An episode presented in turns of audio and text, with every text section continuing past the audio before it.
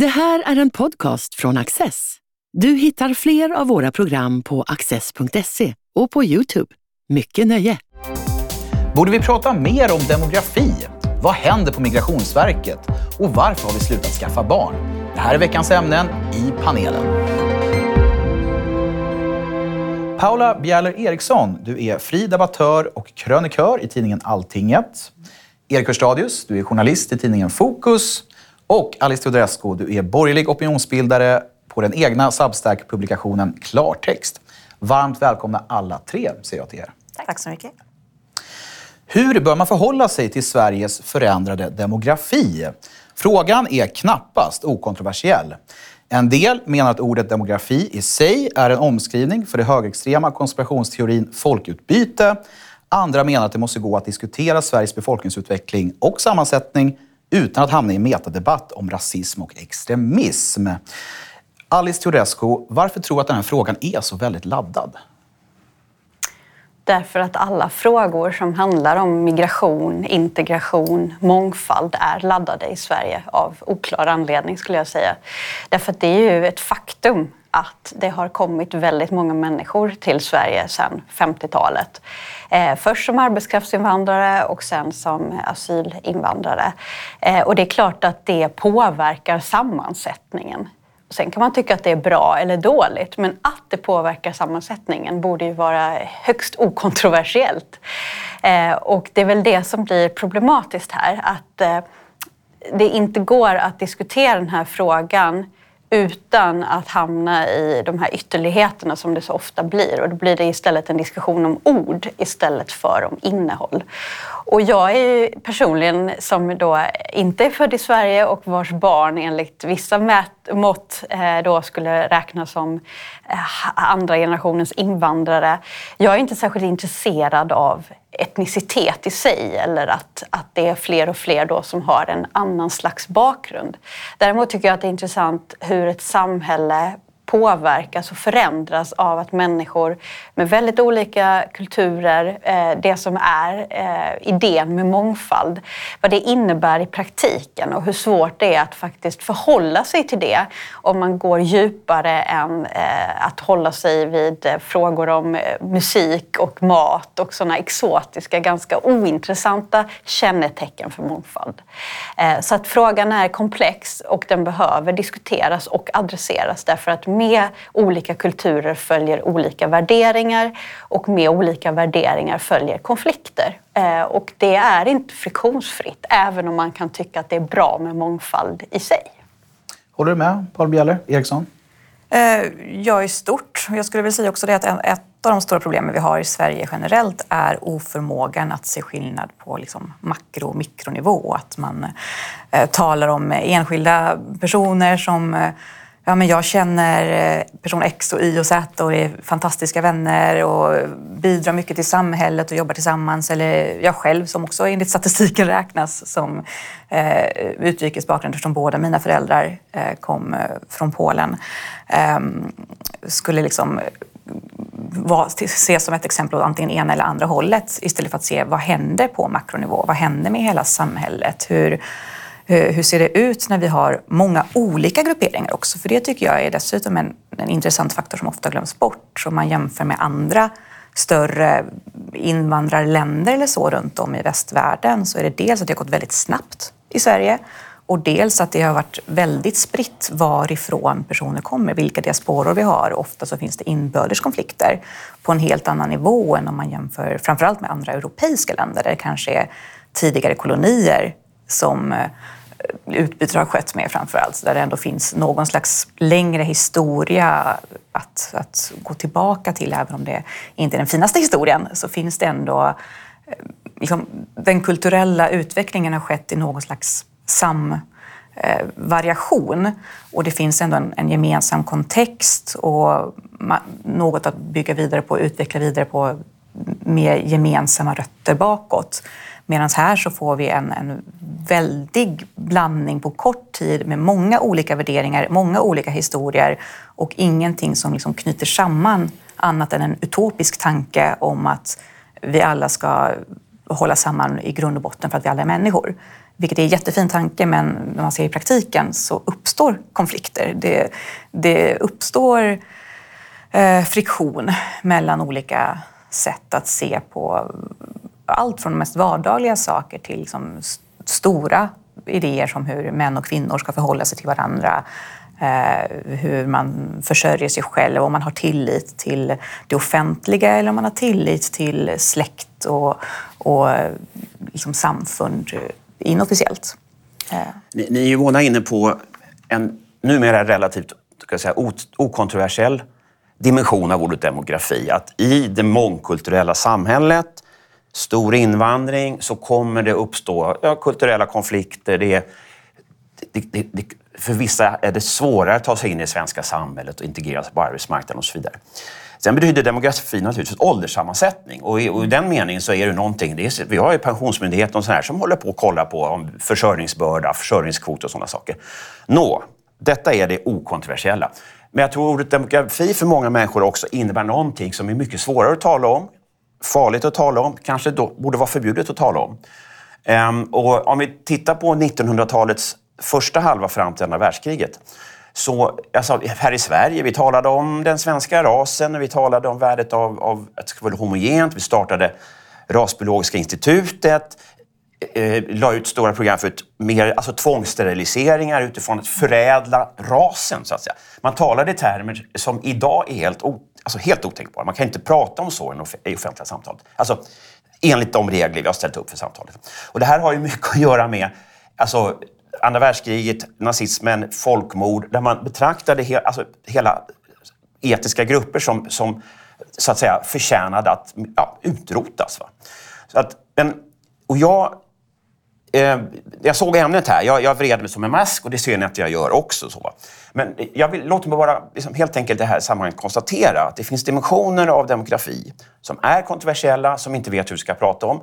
Man pratade så sent som för 20-30 år sedan eh, nu blir det jobbigt, men amerikanska sociologer och så vidare för att förklara eh, eh, varför svarta släpar efter socioekonomiskt. Då, då fanns det...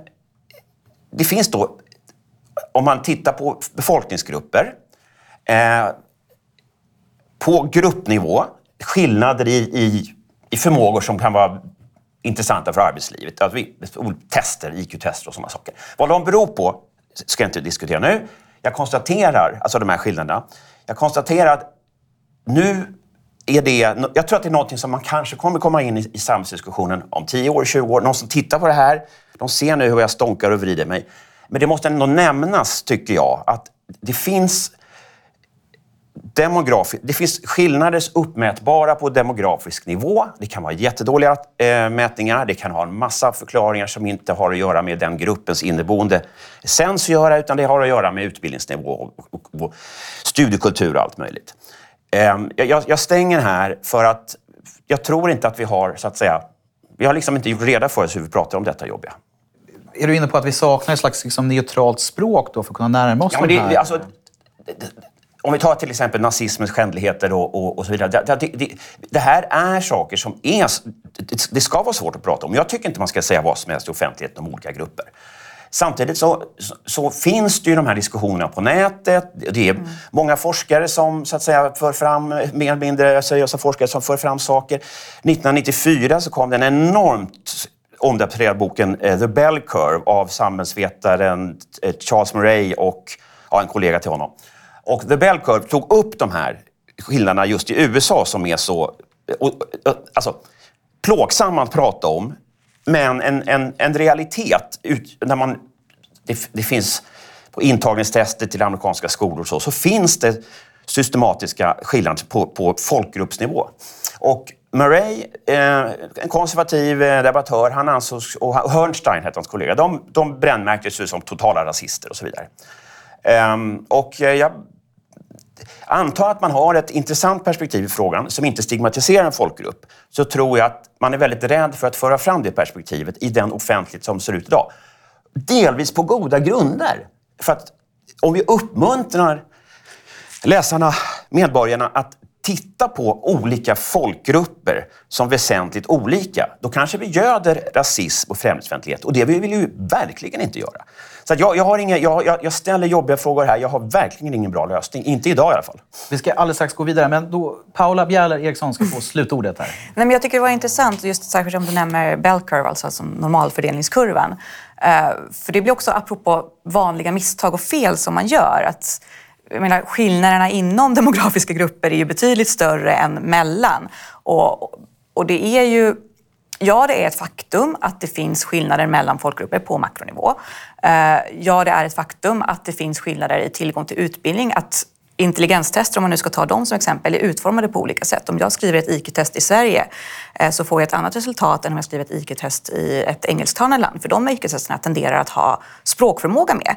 Det betyder också att personer som har framför allt en språkrelaterad eh, hög IQ kommer prestera sämre på IQ-tester i Sverige och i andra länder som har sådana IQ-tester än annat. Så det finns massa olika faktorer att väga in och dessutom så finns det massa Alltså, det har egentligen ingen större skillnad på var man hamnar i samhället eller hur väl man kan bidra finns ju liksom... IQ är i och för sig en, en stark prediktor för yrkesmässig framgång. Åtminstone upp till en nivå av cirka 125-130. Både ja, jag, ja, ja. både ja och nej skulle jag säga som, som eh, är med i Mensa och som har liksom sett den otroliga bredd av, av individer som finns där och vad man tar sig för och var man hamnar i samhället och hur, hur väl samhället är anpassat. Och det jag ville komma till är just att problemet är snarare de förenklingar man gör när man ser på sådana här enkla ytliga mätinstrument och tror att det är något sätt som liksom är avgörande på något. Och de här diskussionerna som finns på nätet och sådant, exempelvis som du nämner, det har jag ju själv lyft under hela min liksom, aktiva tid i offentligheten att det är ett problem när man tar jobbiga ämnen bara i mörkerrum på nätet och när bara de som inte förstår mätinstrument, inte förstår eh, djupare innebörder av kultur, värderingar, uppfostran, utbildning, miljö kontra arv, att båda delar spelar in, utan blint stirrar på den ena eller det andra alternativet. Eh, och I Sverige har vi i offentligheten haft under decennium en alltför stor fokus på bara miljö och tenderat att gömma arvsdiskussioner till mörkerrum där personer då lägger liksom all vikt på det och, och landar till slut i slutsatsen att men, det är ingen idé att vi ens försöker för här är man genetiskt betingad att alltid vara på något annat sätt. Eh, där är det stora problemet. Alltså, vi måste liksom komma bort från förenklingar och börja prata om, prata om ämnen så att vi kan eh, ge alla olika nyanser som finns. Det får bli slutord för nu måste vi hasta vidare och prata om Migrationsverket. I senaste numret av tidningen Fokus granskar reportern Henrik Sjögren Migrationsverkets förvarsverksamhet. Resultatet är nedslående. Anställda vittnar om kaos på flera myndighetens anläggningar och trots utvisningsbeslut blir många personer kvar i förvar för att sedan släppas ut i frihet. En annan källa beskriver hur en chef satt i system att endast rekrytera personer som tillhör samma etniska grupp som han själv och att inga säkerhetsprövningar görs vid anställningar. Henrik Sjögren är en kollega till dig, Erik Hörstadius. Vad tänkte du när du läste hans granskning? Kär vän och kollega vill jag säga. Nej, men, eh, Henrik har ju, som, han, han har verkligen näsa för att sätta, sätta fingret på svagheter i, i den svenska... Alltså, hur vi sköter den, migrationen. Eh, och det kan ha att göra då med eh, att det, alltså, man kan komma in på lösa boliner, förfalskad ID-handling och så vidare. Här handlar då, förvaret handlar ju då alltså om att om du har ett utvisningsbeslut, eller inte ens liksom, du, det finns ingen anledning för att, att du kommer inte få stanna i Sverige. Så, så måste vi sätta folk någonstans, om de inte frivilligt sätts på ett plan. Eh, det är som ett litet snällt fängelse kan man säga. Eh, och det här tycker vi inte om såklart i Sverige. Att, att liksom, stackars människor från andra länder som av olika skäl inte beviljar uppehållstillstånd, uppehålls, tillstånd till ska behandlas med hårdhandskar och så. Och jag vill påminna om diskussion som man kallar för REVA-diskussionen som var för eh, ja, tio år sedan ungefär. Det handlade om den, den så kallade inre utlänningskontrollen. Om man är en välfärdsstat med generös invandringspolitik, då är det väldigt, väldigt viktigt eftersom det finns en pullfaktor till ett sådant land. Här, här kan man verkligen bygga en bättre framtid och det finns även så att säga, faktorer som, som, som lockar till sig mindre Alltså sådana som vi kanske inte vill, alltså bidragssnyltare och skurkar och så vidare. Och, no, ska det vara generöst och fint att leva innanför Sverige, eh, då ska, det vara, då ska man verkligen åka ut tydligt och, och gärna snabbt om man inte har rätt att vistas här för att vi ska kunna upprätthålla invandringspolitiken. Men som vanligt har ju Sverige då ett, det är en lite jobbig fråga. Vi misslyckas. Vi gör inga konsekvensanalyser. Eh, journalister tycker det är jobbigt att ta tag i det här. Och Henrik beskriver också en väldigt allvarlig tystnadskultur hos de som är inne i verksamheten. Det är inte populärt att vara visselblåsare där och säga att, att vi har inte koll på... Folk, folk lämnar det här förvaret lite hur som helst och dessutom får de bara sitta i normalfallet högst ett år och så vidare. Så, och sen så finns det väldigt många sätt att, så att säga, eh, det finns väldigt många sätt att motsätta sig ett utvisningsbeslut. Man kan få aggressionsutbrott på Arlanda eller man kan plötsligt lägga in en asylansökan som är helt oseriös och så vidare. Så att, vad, vad, gör vi åt det här? Ja, det kan väl damerna svara på. ja, låt oss. Alice Teodorescu. Ja, vad gör vi åt det här? Nej, men det är en konflikt eh, här eftersom det i en rättsstat är väsentligt att man utreder alla omständigheter. Och eh, här finns också den försvårande omständigheten i att många av de här länderna inte tar emot eh, medborgare som inte vill komma dit frivilligt. Och då har vi liksom byggt upp en perfekt storm av omständigheter som gör att vi i praktiken inte kan upprätthålla vår migrationspolitik.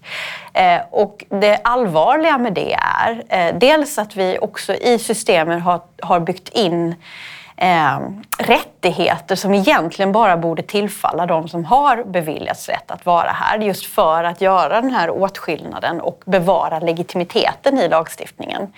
Eh, men vi har också ett problem i att just den här konflikten i rättsstaten. Att man kan lämna in nya ansökningar, man kan lämna in och åberopa nya omständigheter och detta kan man göra hur länge som helst. Och till slut så har man då också etablerat en stark anknytning eh, och det gör att det här sätts ur spel vilket leder till att vi hamnar i ett läge där vi inte kommer kunna ta emot människor som har riktiga skäl för att komma hit. Så att, ja, förlåt, så problemet här är ju att i den här eh, viljan att vara god kortsiktigt så skapar vi ett system som långsiktigt inte kommer kunna ta emot människor på flykt. Och om man är för en migrationspolitik som är hållbar över tid så bygger den på att man också kan verkställa de utvisnings och avvisningsbeslut som finns. Och det kan man inte i dagsläget. Och har man då också byggt in eh, rättigheter i form av eh, försörjningsstöd som finns i Malmö till exempel eller rätt till vård och skola och sådär.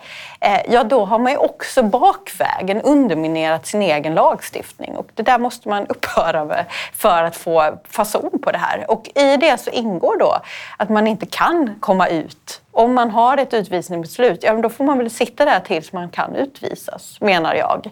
Eh, och inte då släppas fri, för då har man ju återigen bakvägen underminerat hela systemet. Så det här är ett vägval.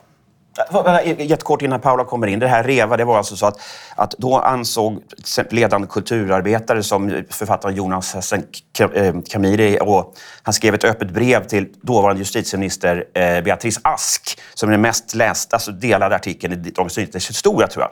Där han skriver att det är ett rasistiskt bemötande unga eh, mörka människor får i Sverige. För att här, polisen söker upp de som är mörka och så vidare för att eventuellt kasta ut dem eller kolla om de har rent mjöl i påsen och så vidare. Och, och då blev det stigmatiserande för, för polis och myndigheter och för debattörer som, som ville upprätthålla denna så kallade inre utlänningskontroll. Så att det blev som att hela svenska samhället på något sätt vände sig från kontrollen och då blev det slappt och vi betalar priset idag. Paula Bjelle Eriksson. Ja, om jag knyter den första. Jag skulle säga att den kontrollen släpptes och det stigmat fanns långt innan. Och det var ju inte bara enskilda kulturdebattörer. Det var ju liksom företrädare för flera riksdagspartier som gick ut och krävde att polisen skulle byta arbetsmetoder och sluta med det människovidriga arbete de höll på med.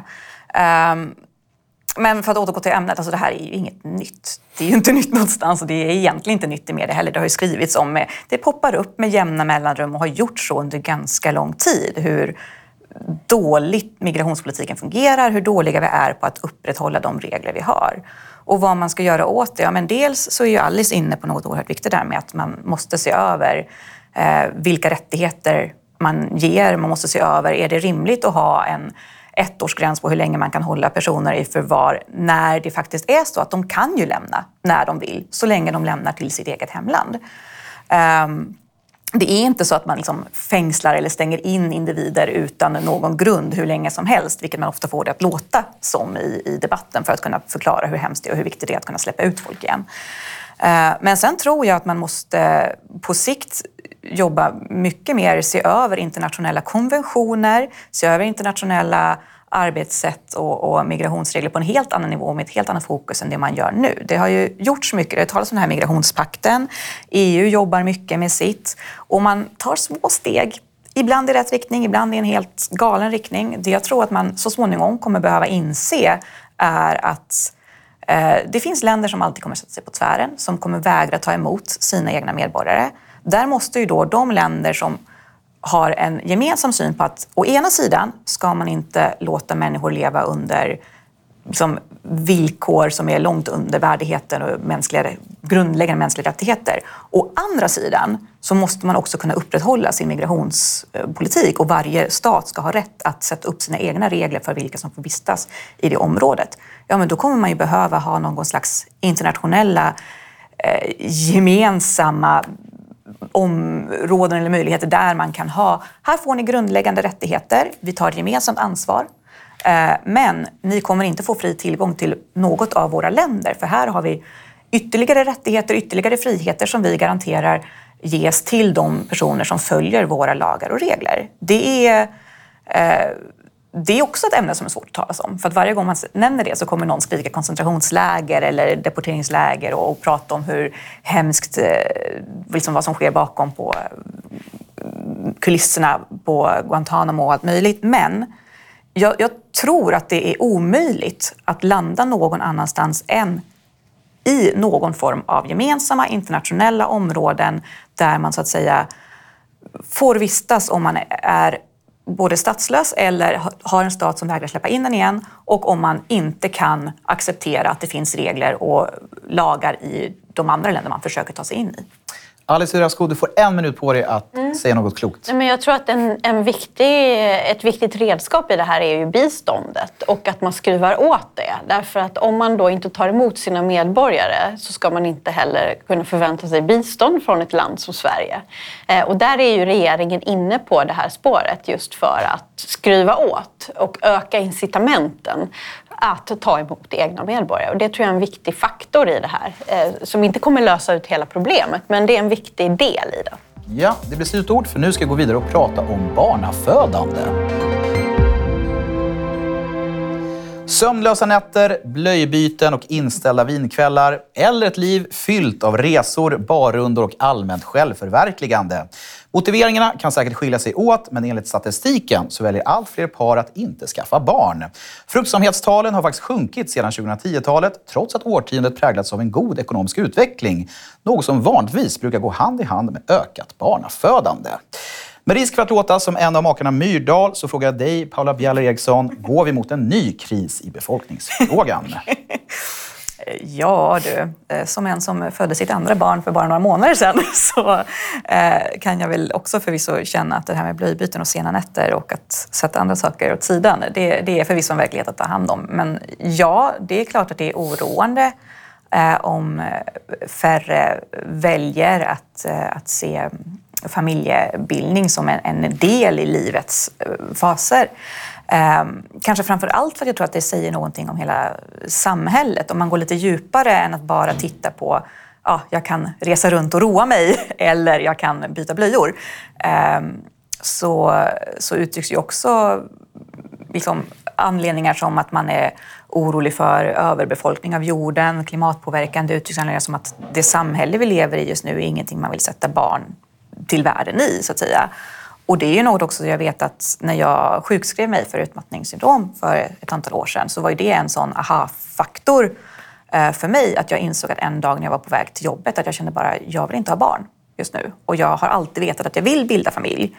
Ehm, och precis som det var en aha-faktor för mig personligen så tror jag att det bör vara en aha-faktor för ett samhälle som helhet. Vad är det som gör eh, att färre känner att familj är någonting som man vill prioritera eller åtminstone ge en del av sin tid och sitt liv åt. Eh, och vad gör det i nästa steg med ett samhälle där en stor del av befolkningen inte bildar familj, eh, när man inte har de här nära banden till andra människor, när man inte har de här nära banden generationer emellan, eh, när man fokuserar mer och mer och ger sig själv eh, Eh, rätt att fokusera mer och mer uteslutande på sig själv och sitt eget nöje. Eh, inte minst i ett land som Sverige som ju har varit väldigt eh, ja, men samhällsbaserat, väldigt socialistiskt om man säger det. Vad man än tycker om det så har ju vi en väldigt stark liksom, folkhemskänsla, en tillit inom samhället. Många av våra institutioner, våra kontrollinstrument för myndigheter, våra lagar är utformade för att man har en, en eh, stark samhörighet med det övriga samhället. Och det finns absolut de som kan vilja riva upp det, man kan tycka det är befogat eller inte, men i, liksom, i steg två och tre av att färre föder barn så tror jag att man måste se till att det kommer ju också innebära att stora delar av det svenska samhället som helhet, som fundament det bygger på, eh, riskerar att eh, om inte rasa helt så åtminstone skaka ordentligt och man behöver eh, se över väldigt, väldigt mycket av hur vårt samhälle är uppbyggt. Alice Teodorescu? Eh, men jag tänker att det finns två dimensioner i det. Dels så är det ju vad som händer i ett land eh, med en åldrande befolkning där det inte kommer några barn eh, och den försörjningsbörda som då faller på de som de facto arbetar. Och det är liksom den, det ekonomiska perspektivet. Men jag tycker att det säger någonting väldigt tragiskt om, om individualismen i, sitt värsta, i sin värsta skepnad. Alltså att få barn eh, och att eh, inte längre stå i centrum. Det finns ingenting större och mer utvecklande än att ta det steget. Och eh, att vi lever i en tid där självförverkligandet är så ytligt. Eh, det är fantastiskt att resa men de här åren som man har barn eh, som är så beroende av en att man inte kan resa eller dricka vin som, som man gjorde förr om man nu gjorde det. Eh, det är en sån liten del i helheten och att istället då få fokusera att offra sig för någon annan. Alltså det, är, det är värden som jag tror gör oss till bättre människor och därmed till ett bättre samhälle. Och att det har blivit någonting, alltså en, en, någonting som är negativt istället för någonting som gör att man blir en bättre människa. Det, det säger väldigt mycket och det säger också någonting om att det sker just här eh, eller i västvärlden. Men, men, i en svensk kontext där vi liksom inte heller är beroende av varandra utan vi är beroende av välfärdsstaten eh, från vaggan till graven. Vi lämnar barnen på förskolan och vi lämnar de gamla på äldreboendena och däremellan ska vi självförverkligas. Ja, samtidigt som allt fler äter antidepressiva läkemedel och eh, känner sig vilsna och ensamma och ledsna. Ja, kanske för att vi är så himla uppslukade av oss själva och att, av skapandet av den här identiteten som är helt irrelevant. De enda som man, liksom den enda roll som man inte är eh, oersättlig det är den som förälder. Så att fler borde ta chansen, det är fantastiskt. Och du får välja då, Erik Hörstadius, blöjbyte eller vinkväll? alltså man byter blöjor så här kort tid. Det är det här, det ena utesluter liksom inte riktigt det andra. Och jag vill tydligt säga att jag har, alltså jag har rest mycket med mina döttrar som är idag är 20 och 23. Så att livet upphör ju inte. Det är, så roliga livet upphör inte för att man får barn. Nej, men för mig, jag, jag, jag fyller i här, det har varit extremt, det särklassigt mest meningsskapande i mitt liv. Det var när jag blev pappa. Och nu har vi följt varandra i, i drygt 20 år, jag och de här tjejerna. Och det är liksom det, det, det, det, skapar så mång, att inte bara vara i sig själv, att betyda någonting för någon annan, att följa deras utveckling, att på det sättet vara liksom connectad med det som händer i samhället. Det finns så mycket fantastiskt att säga om det. Så det här, det här är då allvarligt, ja, och inte bara... Det är allvarligt av ekonomiska skäl, demografiska skäl. Det är definitivt allvarligt av existentiella, filosofiska skäl barn adlar oss till att bli bättre människor. Det är jag helt övertygad om. Sen om jag ska lyfta fram något positivt så är det att det har varit stigmatiserande för framförallt kvinnor att gå i livet barnlösa. Frivillig eller ofrivillig barnlöshet. Och det här att erbjuds idag liksom olika liv, acceptabla livsalternativ, hur man gestaltar sitt liv, det är ju bra. Eh, att man, man måste inte leva efter en viss modell, men det, det är det lilla, lilla fina. Sen just att, det var mycket bra att tog upp det Alice, att det här är ju så brett i världen och det är liksom västvärlden. Och det, Japan var dessutom väldigt tidigt med att man pratade om inga födda barn där. Sen så pratade man om Italien och så vidare. Nu är, nu är det brett. Alltså det är inte, vi är snarare, det är snarare så att vi ligger efter i, i utvecklingen att inte vilja barn. Sen ska vi gräva i själen. Jag misstänker att det finns en överdriven pessimism när det gäller klimatfrågor och sådana saker. Eh, det finns ju oroande undersökningar att unga människor väljer att inte skaffa barn för de tror att planeten snart ändå ska förintas av oss människor. Så att jag, tror, jag tror att vi måste vara noggranna när vi erbjuder framtidsbilder i medierna, att de är grundade i vetenskap och inte jakt efter klick, dum alarmism och att man så att säga alltid tittar på det svartaste perspektivet. För det, det, det skrämmer bort folk från föräldraskap. Och, och som sagt, när vi föräldraskapet adlar oss. Det får bli slutord för den här veckans avsnitt av panelen. Paula Bjelle Eriksson, Erik Stadius, Alice Teodorescu. Stort tack för att ni har varit med och stort tack för att ni har tittat. Du har just lyssnat på en podcast från Access. Du vet väl att vi också är en tv-kanal och tidning? Teckna en prenumeration idag på access.se.